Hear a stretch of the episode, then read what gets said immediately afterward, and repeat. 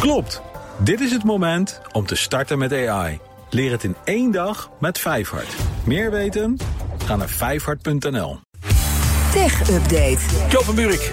As van. Kwartaalcijfers, ook weer. Maar dan twee van de grote vijfde techreuzen. Dus we beginnen even met uh, Alphabet, de moeder van Google. Jawel, de verwachtingen waren bescheiden... Voor, voorafgaand aan de presentatie van de kwartaalcijfers. En datzelfde, geld wordt, uh, datzelfde woord geldt voor de groei van de winst. Bescheiden. Over het eerste kwartaal werd 3% meer omzet geboekt. Steeg tot 69,8 miljard dollar. De netto winst daalde wel wat, naar 15 miljard dollar. Dat is 1,4 miljard minder dan een jaar geleden.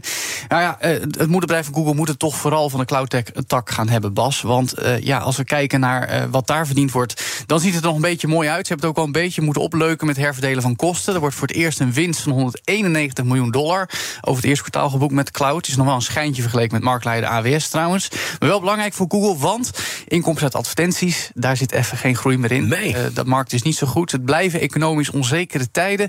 En daarom zegt ook Alphabet nu in navolging van Meta, we letten op de kosten, op de efficiency in allerlei opzichten. Er was al 2,6 miljard dollar gereserveerd gezien de 12.000 banen die moeten verdwijnen. Maar dat was in januari natuurlijk al aangekondigd. Maar daar letten ze dus wel op. Ze gaan wederom 70 miljard dollar aan aandelen terugkopen. Deden ze een jaar geleden ook al. En alles bij elkaar, nou, een bescheiden extra procentje op de beurskoers van Alphabet. Google stuit toch op de grootste uitdaging eh, als het gaat om eh, investeren, namelijk in AI.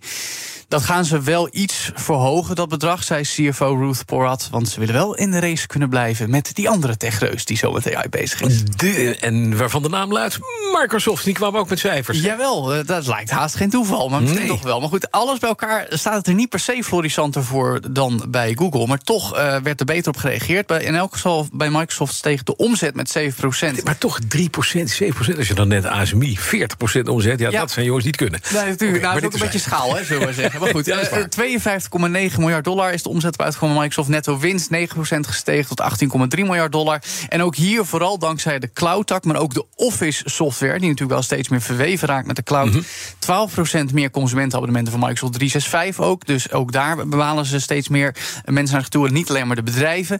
Activiteit op LinkedIn nemen toe. 15% meer gebruik, 8% meer omzet.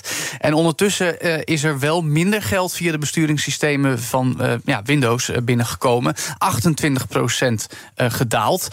de bundeling van Windows met PC's zit niet echt in de lift, zou ik maar zeggen. Ook de hardware-divisie van Microsoft, nooit een heel sterk tak geweest, heeft 30% minder opgeleverd. Maar toch was reactie op de beurs een plus van 9%.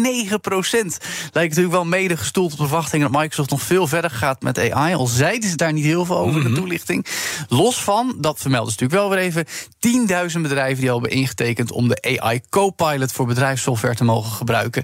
We weten nog niet eens precies hoe en wat, maar dat komt eraan. En nog even heel kort over de game-divisie. Want de fysieke Xbox-spelcomputers die werden 30% uh, minder omzet uh, waard. Maar content en services, dus daadwerkelijke games en online spelen, daar was een groei van 3%. Ook 1 miljard aan omzet via abonnementen. Voor het eerst zoveel geld.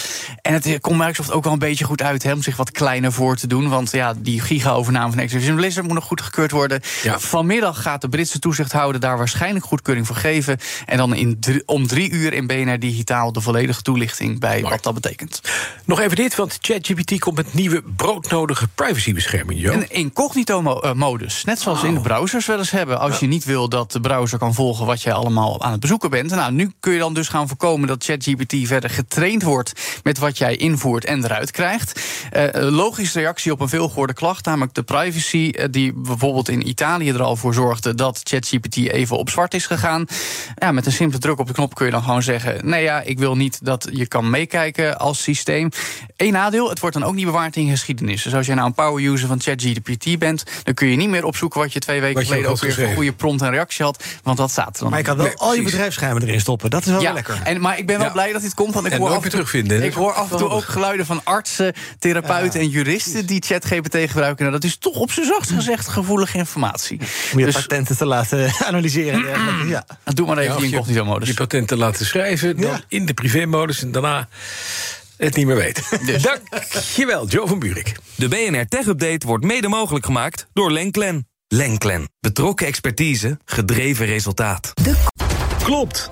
Vijfhart IT-opleidingen helpt je met ChatGPT, Microsoft Copilot, Generative AI, Azure AI Services. Meer weten? Ga naar vijfhart.nl.